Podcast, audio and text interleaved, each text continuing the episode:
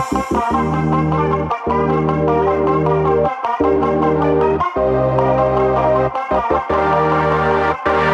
hey hey, welcome to Hot Fantasy Podcast. За манайха юу үзгаана?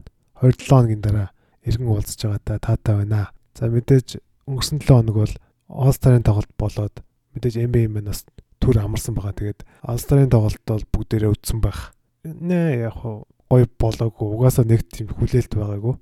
Тийм учраас яг хөтөл нэг зүгээр нэг фан маягаар үзэл өнгөрсөн. Тэгээд угаасаа нэг өдөр болсон Тэгээд ийм нөгөө нэг ковидын үед MB бол зүгээр мөнгө хийх гэж л ер нь баг хотын тоглолтыг зохиосон те. Тэгэхээр ер нь бол нэг тийм хүлээлт байгаагүй. Тэгээд яг хөө дээл болсон л доо. Тэгээд нэг ярих юмч доо алга байна. За тэгээд мэдээж хотын тоглолт гэдэг бол те MB-гийн эхний одоо хагас дуусаад 2 дугаар хагас руугаа орох үе байдаг. Тэгэхээр одоо маш одоо чухал үе шат бол эхэлж байна. Тэгээд мэдээж зөвхөн MB гэлтгүү фэнтезигийн хувьд бол одоо маш тийм чухал үе бас явж байгаа. Учир нь гэх юм бол удахгүй те фэнтезиг маань үлрэл дуусах шатругаас ороод явж байна. Тэгэхээр плей-оффын дарилтаа хийх, дээрэс нь одоо плей-оффтоо бэлдэх гэх мэт юм нэг тийм тактикийн өөрчлөлтүүдийг хийх хэрэгтэй болж байна. Тэгээд доогор байгаа багууд одоо плей-оффын дарилтаа одоос хийхгүй бол те ер нь баг хожимдох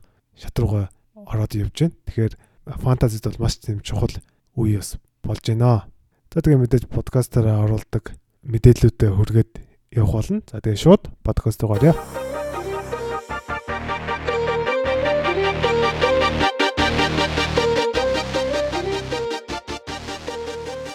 За хамгийн ихний мэдээ нь болохоор одоо нөгөө 3 сарын 25-нд солилцоо 8-ын цонх хаагдана. Тийм учраас одооноос эхлээд энэ солилцоо 8-ны яриа, шуум маш их гарч байгаа. Тэгээд Альбесор нэг солилцоос болсон байгаа. Энэ болохоор Oklahoma City Thunder баг Detroit Business багтай солилцсон байгаа. За тэгээд Oklahoma Хамидо Диалого бизнес руу явуулж оронд нь Сви Михайлук болон 2027 оны драфтын 2 дугаар сонголтыг авсан байна. За тэгээд мэдээж энэ бол одоо Хамидо Диалогийн хувьд бол үлрэл дуусаад багаас хамааралтай фри эйжент болж байгаа. Тэгэхээр Oklahoma City Thunder баг Хамидо Диалог авч үлдэх магадлал нэлээд бага гэж үздсэн юм шиг байна. Тэгэхээр түүнийгээс явуулсан байгаа. Тэгэхээр мэдээж диалог явуулдаг нь бол яг нөгөө багийн ирээдүй багийн оо гол 28 нь бол лүд орт гэж үздсэн байгаа байна. Тэгэхээр мөн Тео Малидон гэдэг бас гой залуу байгаа. Тэгэхээр Оксигийн хувьд бол нэг тийм алдаад байх зүйлгөө болцсон байх гэж бодож байна. Тэгээд харин нөгөө тал болохоор бизнесийн хувьд бол Хамидо диалог илүү ирээдүйдээ ирээдүйн төлөвлөгөөнд авч байгаа гэж одоо унссан. Тэгэхээр мэдээ Диало бол бас тийм ялангуяа offensive те довтлоонд бол маш тийм ур чадвартай тоглогч. Тэгэхээр Detroit бас нэлээд урт хугацаанд бас үлдэх багийн ирээдүй болох багтал бол нэлээд өндөр байгаа юм байна гэж харагдж байна. За тэгэхээр одоо энэ энэхүү солилцоогоор фантазид бол мэдээж диалогийн үнц нь бол бүр айхтар тэгж өсөхгүй байх гэж бодож байна. Ягаад гэх юм бол Detroit одоо 20 номер дээр Wayne Ellington байгаа, Rodney McGruder байгаа гэдэг ч юм уу минут хуваах тоглолцол олон байгаад байгаа. Гэхдээ түүний хувьд бол тэр хоёрын арай илүү тоолох байх гэж хувьдаа бодож байна. Тэгэхээр яг хуу нэг тэгж одоо өсч чалаад байх юм байхгүй харин өмнөхөөс бас буураад байх юм байхгүй бах гэж бодож байна. За харин Михалокийн хувьд бас бас нэлээд сонирхолтой санагдж байна. Михалокийн хувьд бол нэлээд мундаг шидэгч тэгээд яг үнийг хэлэхэд энэ үйл бол нэлээд муу шидчихсэн. Тэгээд Oklahoma City Thunder түүнийг бас яаж ашиглахаа гэдэг бас их сонирн байна. Түүнийг бол гайгүй ашиглаж байгаа гэж бодож байна. Өмнөхөөс арай илүү тоолжих байхаа гэж бодож байна. Гэхдээ Михаликийн хувьд бол нэг тийм фэнтезид авахаар фэнтезигийн тоглож бол биш ээ. За энэхүү солилцоо устдаар мэдээж Людортийн фэнтези value нэлээд өсөж байгаа. Тэ. Тэгэхээр Людортийн тоглох минут бол нэлээд өснө гэж харж байна. Тэгээд мөн Тион Малидоны value бол баг зэрэг өснө гэж бас харж байгаа. Яг гэх юм бол шегэл залсандар суухаар диало осно ч холбоод өгдөг. Одоо тэгэхээр Малидоны гарт бол нэлээд шилжих ийм одоо хандлагатай харагдж байна.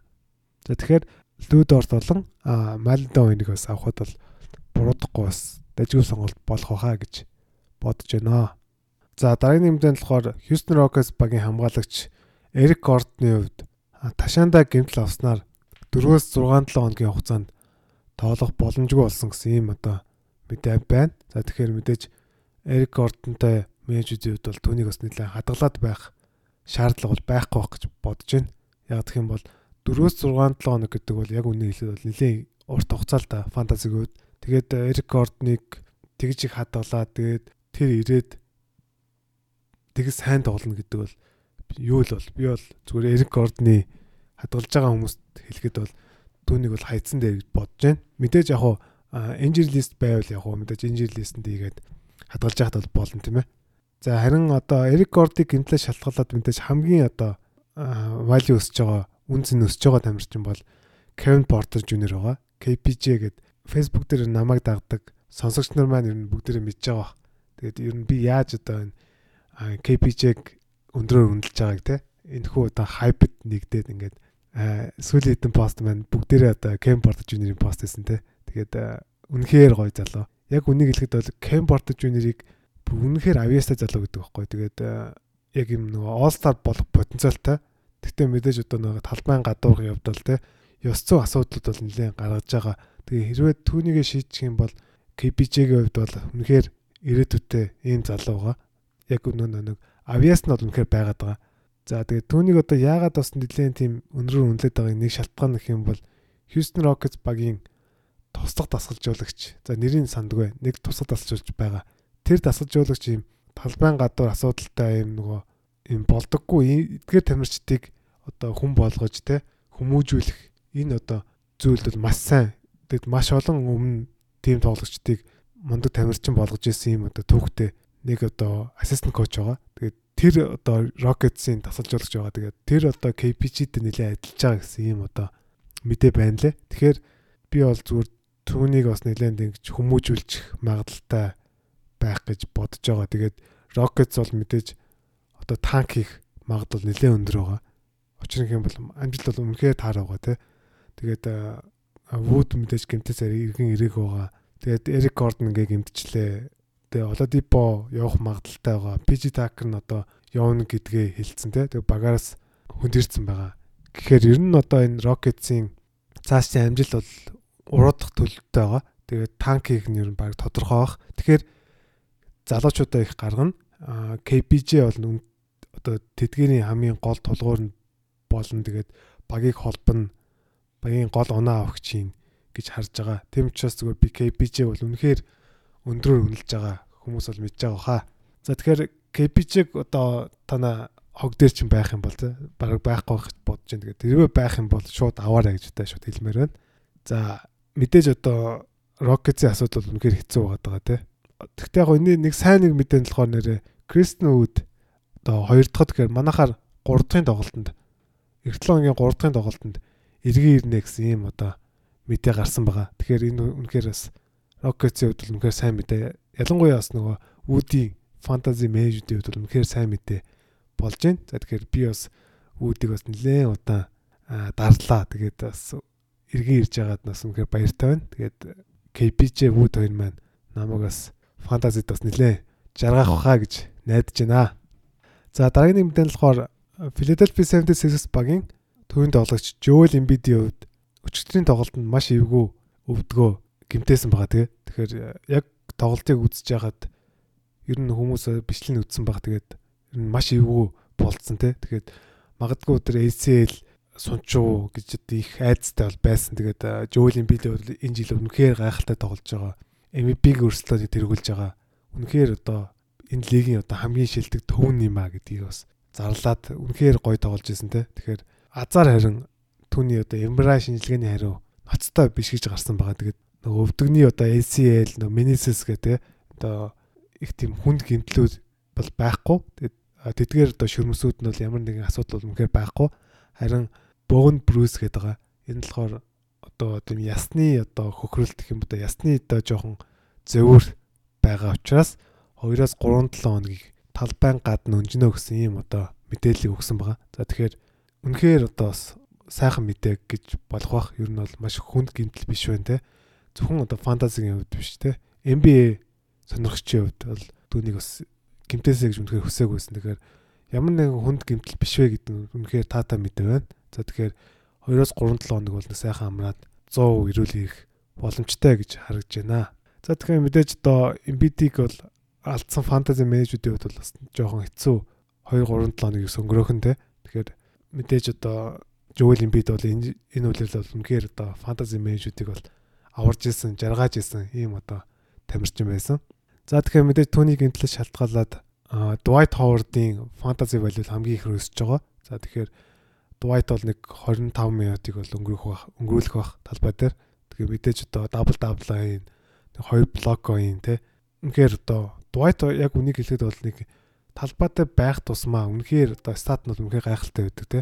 Тэгэхээр одоо 25 минутанд бол үнэхээр 12 12 ч юм уу. Тэгээд нэг 2 3 блок хийх үнэхээр чадвартай ийм хүн байгаа. Тэгэхээр та бүхэн бас Dwight Howard-ыг хэрвээ хог дээр ч байх юм бол аваарэ гэж та зөвлөж байна. За дараад нь бол мэдээж бас нэг төвийн тоглогч Тони Брэдли байгаа. Тони Брэдлигийн хувьд бол яг хоо Joel Embiid-ийг байхгүй үед л ихэнхдээ гараанд гарч байгаа. Howard сэлгэнээс гарч байгаа. Тэгээд Тони Брэдли нэг 20 минутыг өнгөрүүлэхэд бол үнэхээр асуудалгүй. Бас ер нь нэг 18 2 блок ч юм уу ийм хийчих одоо чадвартай тоглож учраас та бүхэн 14 болон түүнээс дээш хүнтэй лигүүд бол Тони Брэдлиг авахд бол үнэхээр гой сонголт болно гэж харагдж байна.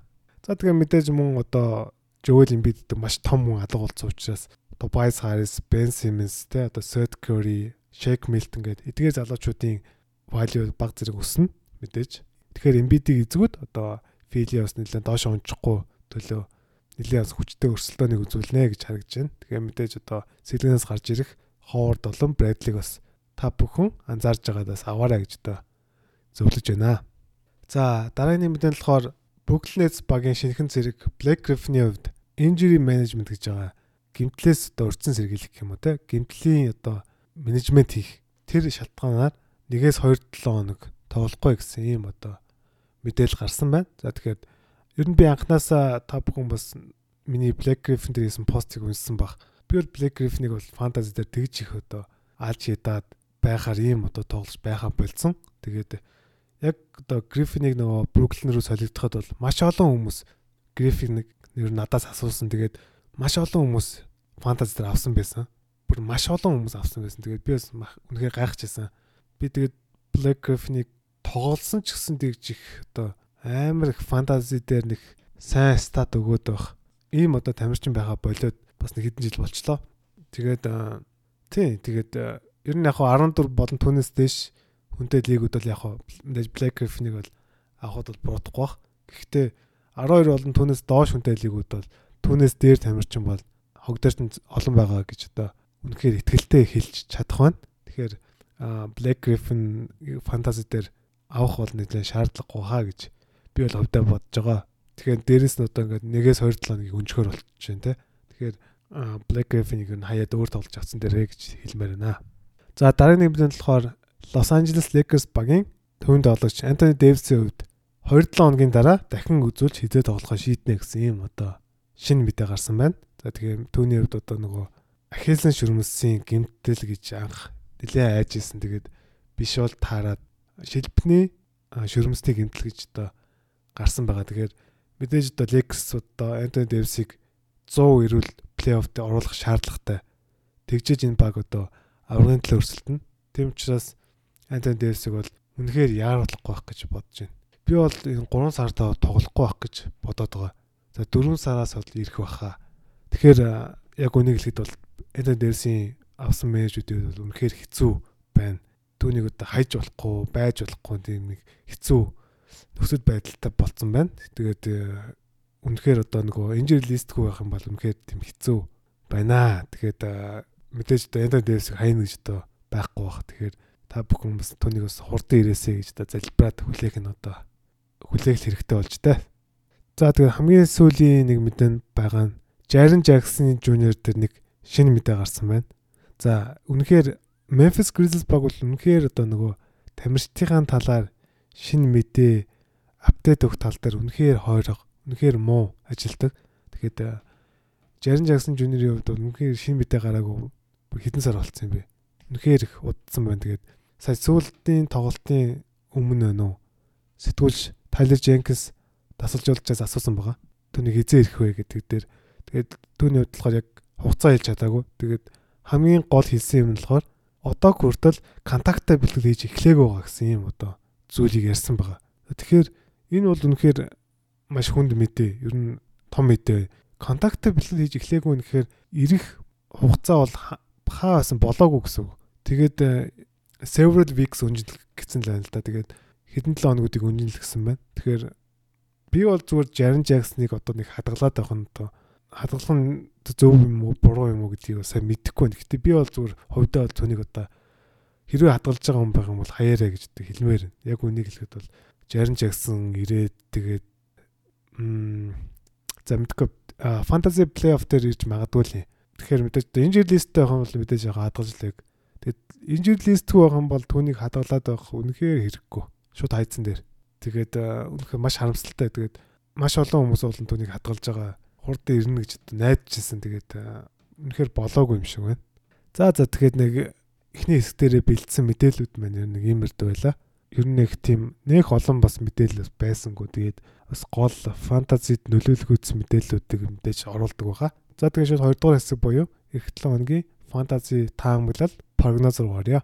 За тэгээд эх 7 хоног бол мэдээж MB-гийн хувьд бол 13 дугаар 7 хоног, харин фэнтезигийн хувьд бол 12 дугаар 7 хоног эхэлж байна. Учир нь хэм бол мэдээж All Star-ын брейк гэж авсан учраас тооны хувьд бол мэдээж NBA-гийн 13 дугаар 7 хоног, фэнтезигийн 12 дугаар 7 хоног эхлэх гэж байна. За энэ 7 хоногийг авч үзэх юм бол багууд хэдэн тоглолтыг хоёрыг харъя. За 9 баг 3 тоглолттой, 20 баг 4 тоглолттой, 1 баг 5 тоглолттой гэсэн ийм одоо хуваар таагүй байна. За 3 тоглолттой багуудыг танилцуулах юм бол Atlanta Clippers, Milwaukee, Minnesota, Pelicans, OKC, Орландо, Торонто, Юта гэсэн ийм 9 баг байгаа юм байна. За хамгийн их буюу 5 тоглолттой багийг танилцуулах юм бол Лос Анжелес Lakers байгаа. За тэгээ бусад 20 баг нь 4 тоглолтыг их хууртай гэсэн үг. За тэгэхээр мэдээж одоо Эклонгийн хувьд бол мэдээж Lakers-аас олон хүнтэй менежер байх юм бол те илүү одоо давуу байдалтай байх нь. Тэгэхээр одоо та хэрвээ LeBron-ыг эзэмшдэг байх юм бол те бас их 7 хоногт бас нэлээд гоё 7 хоног бас болж өнгөрөх хаа гэж бодож байна. За тэгэхээр мэдээж Dennis Schroeder, Kuzma, Harrell гэдэг те эдгээр тамирчдыг бас эзэмшдэг бол үнэхээр бас таатай нөхцөл байдалтай бас байна. За тэгээд мэдээж ихэнх нь дөрвөн тоглолттой байгаа. За back to back буюу дараалсан тоглолтын өдрүүдийн багуудыг танилцуулах юм бол нэгдгээс хоёр дахь болохоор Lakers New York гэсэн хоёр баг байгаа юм байна. За мэдээж LeBron баг амрахгүй бах. За LeBron энэ таван тоглолтын дээр амрах болов баг амрахгүй хаа. Би бол амарна гэж бодохгүй байна. За амруул баг нэгэнд нь л амарна. Ер нь бол. Гэхдээ ер нь амрахгүй. Тэгээд сая нөгөө Lakers-ийн өмнөх тоглолтынх нь дараа сэтгүүлж асуусан. Тэгээ би тэр яг нөгөө хэвлийн баг урлыг нь үдчихсэн. Тэрэн дээр LeBron тэгж ярьж исэн. Би rookie үлээлээс хойш хамгийн одоо эрүүл саруулт байгаагаа мэдэрч байна гэсэн ийм одоо хариулт өгсөн байгаа. Тэгэхээр энд юу гэсэн үг юм те 18 дахь үлээл те үнэхээр гайхалтай. Тэгэхээр энэ тоглогч одоо хэрхэн бие одоо бэлддэг те хэрхэн одоо бие авч явж байгаа нь үнэхээр гайхалтай. Тэгэхээр LeBron баг амрахгүй бах энэ таван тоглолтод бол За нэгдээс хоёр дахь толгой мэдээж сая дурдсан Lakers New York гэсэн. Энэ дээр бол энэ хоёр дээр бол амрах тоглогчд бол байхгүй бах.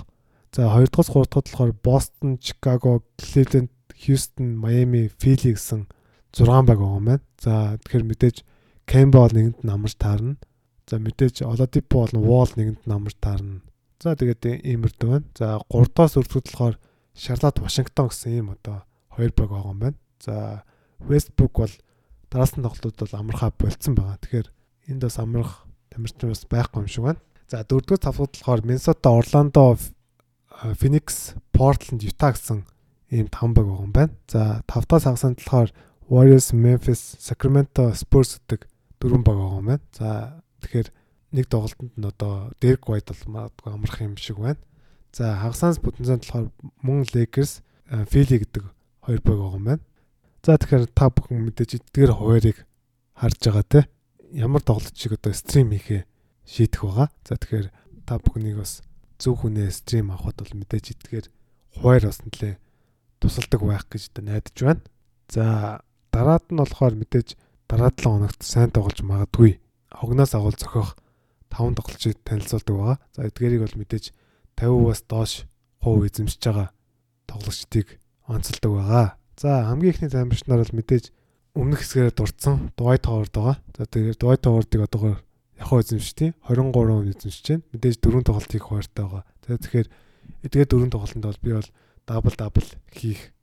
Тэгээд нэг 2 3 блок хийх ийм одоо нягууртай гэж одоо хийж болох бах. Тэгэхээр та бүхэн одоо самбар блок хийхтэй юм бол Howard-ыг бол заавал аваарай гэж хэлмээр байна.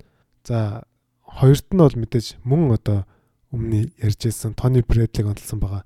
Түүнийг одоогоор яхаа эзэмшдэг 3% эзэмшиж байна. За мэдээж дөрөв тоглолтыг хуваартай байгаа. За мөн адилхан одоо ребаунд болон блок хийхтэй юм бол Тони Брэдлиг бас авахд бол үнэхээр муугүй үзүүлэлт байх гэж бодож байна. Ховардыг бол мэдээж 12-оос 12 болно. Түүнээс дээш хүнтэй лигүүд бол авахд бол болно. 10 дээр л лиг чинь авч магадгүй байх гэж бодож байна. Хэрвээ Embiid байхгүй учраас тэгэхээр Тони Брэдлиг бол мэдээж 14 болон түүнээс дээш хүнтэй лигүүд бол илүү тохиромжтой гэж хэлмээр байна. За гуравт нь болохоор мэдээж Лос Анжелес Lakers багийн хүчний давтлагч Маркиф Моррисон онцлсан байгаа. Түүнийг одоогоор яхаа эзэмшдэг дөрөвхөө өн эзэмшиж байна. Мэдээж хамгийн гол нь одоо 5 тоглолтыг хуурдаа байгаа. Эх 7 хоногт. За тэгэхээр мэдээж 5 тоглолттой 1 7 хоног байгаа. Тэгээд Lakers-ийн хувьд AD байхгүй. Тэгэхээр Morris гараанд гарч байгаа. Сайн тоглож байгаа. Яагаад Morris-ыг авч болохгүй гэж танд бол үнэхээр сайн статыг бол өгөх нь дамжиггүй гэж бодож байна. Тэгээ мэдээж одоо Morris бол 3 шидэн оноо аавн, самбраас аавн. Тэгээд нэг ганц хоёр стил, ганц хоёр блок хийх ийм одоо чадвартай тоглож учраас бас Маркив Моррисыг бол нэлээ өндөр үнэлээд байгаа би бол хувьда. За дөрөвд нь болохоор мөн Лос Анжелес Lakers багийн хамгаалагч Тейлен Хортон Такер буюу TH-ийг онлсон байгаа. Түүнийг одоогоор яхаа эзэмштэй 5 он эзэмшиж байгаа юм байна. Мэдээж 5 тоглолтыг хуваартай. За тэгэхээр мэдээж түүнийг онлсон шалтгаан бол 5 тоглолтын хувьяас гадна Алекс Caruso concussion protocol буюу тарих хөдөлсөн протокол орцсон байгаа. За тэгэхээр эх 7 хоногийг ер нь баг үнжиж магадгүй шинжтэй болоод явчихж байгаа. Тэгэхээр Lakers-ийн урд жугам дээр одоо хүн дутуу болж ирнэ. Тэгэхээр Taylor Horton Tucker бол сэлгэнээс бол гэлцэх нь бол тодорхой баха гэж бодож байна. Олон байдаг ч өнгөрөх бах. Тэгэхээр таван тоглолттой Taylor Horton Tucker бол үнэхээр гой сонголт болох баха гэж найдаж байна. За хамгийн сүүлд буюу 5 дахь байранд нь анх одоо нөгөө KJ Martin буюу Kenny Martin-ы хүү хүүг бол онцлсан байсан. KPJ-тэй хамтлан G-лигээс дуудагдаж орж ирсэн. Нэгдүгээр багт. Тэгээд Houston Rockets багт эхний хоёр тоглолтод үнэхээр сайн тоглосон. Яг тийм агавын тоглолт болыг байна лээ. Ер нь бол Kenny Martin шиг самбарт сайн тэгээд их тийм хүчтэй тийм ер нь нэг аавчгээ юм тоглолттой юм байлээ. Тэгэхээр бас үнэхээр гоё тоглож байгаа. Гэхдээ яг түүнийг ягаад онцлоогүй хасцсан гэхээр яг нөгөө 3 дахад Крист нөгөөд ирж байгаа. Тийм учраас үүд ирж байгаа учраас KJ Martin-ы минут бол жоохон багассан бол ойлгомжтой. Тэгэхээр түүнийг бас жоохон хасчлаа. За тэгвэл яг дэс та бүхэн бас хэрвээ KJ Martin-ыг хараад те магадгүй үүдийн хажууд дөрвдөр удаан тоглолч юм бэл хэм мэдхийн те. Тэгэхээр та бүхэн бас харж байгаа тэрвээ удаан 25-аас дээш минут өнгөрүүлж явах юм бол түүнийг бас заавал аваарай гэж хэлмээр байна. За 5 дахь банд нь болохоор Charlotte Hornets багийн төвийн тоглож Cody Zeller-ыг онцлсан байгаа. Түүнийг одоо яхаа эзэмштэй 20 хүн эзэмшиж байна. Мэдээж дөрөв тоглолтыг хуваартай байгаа. За түүнийг онлын шалтгаан бол ойлгомжтой. Коди Зайлер бол энэ багийн хамгийн шилдэг одоо төвийн тоглогч. Бион бол биш те. Тэгээд сүүлийн хэдэн тоглолтонд үнэхээр сайн тоглож исэн. За тэгээд Олстарын өмнө бол мань юм чин гимтэлтэй байсан. Тэгээд Олстарын дараа гимтлээс эргээ ирээд муугу хоёр тоглолтыг үзүүлсэн байсан. Тэгэхээр дөрөв тоглолттой хэрвээ та төвийн тоглож хэрэгтэй байх юм бол те. Коди Зайлер бол яг самбар аавн, оноо аавн дээрэс нь ассист өгдөг юм одоо чадвартай байгаа. Тэгэхээр эдгээр одоо гурван үзүүлэлт хэрэгтэй байх юм бол та Скоди зэдэгээс аваарай гэж одоо хэлмээр байна. За тэгээд энэ удаагийн дугаар бэлтгэсэн зүйлүүд маань нэг иймэрдүү байла. За тэгээд та бүхний одоо фэнтези мэдлэгт фэнтези багч нь жоохон хэрэгтэйчсэн мэдээллийг бас өгсөн гэж одоо найдаж байна. За тэгээд хэрвээ та YouTube-аар сонсож байгаа юм бол subscribe дараарай манай хуудсанд. Тэгээд дээрэс нь хонхын дараад видео орох тутамд notification очих байгаа. За тэгээд цаашаа найзуудтай фэнтези тоглодог танилуудтай шеэрлээрэй. За мэдээж Apple Podcast-аар сонсдог бол рейтинг өгдөг хэсгээр нь 5 од өгж дэмжээрэй. За тэгэхээр эх 7-гийн дугаараараа уулзлаа дөрөв баяр та. Peace out.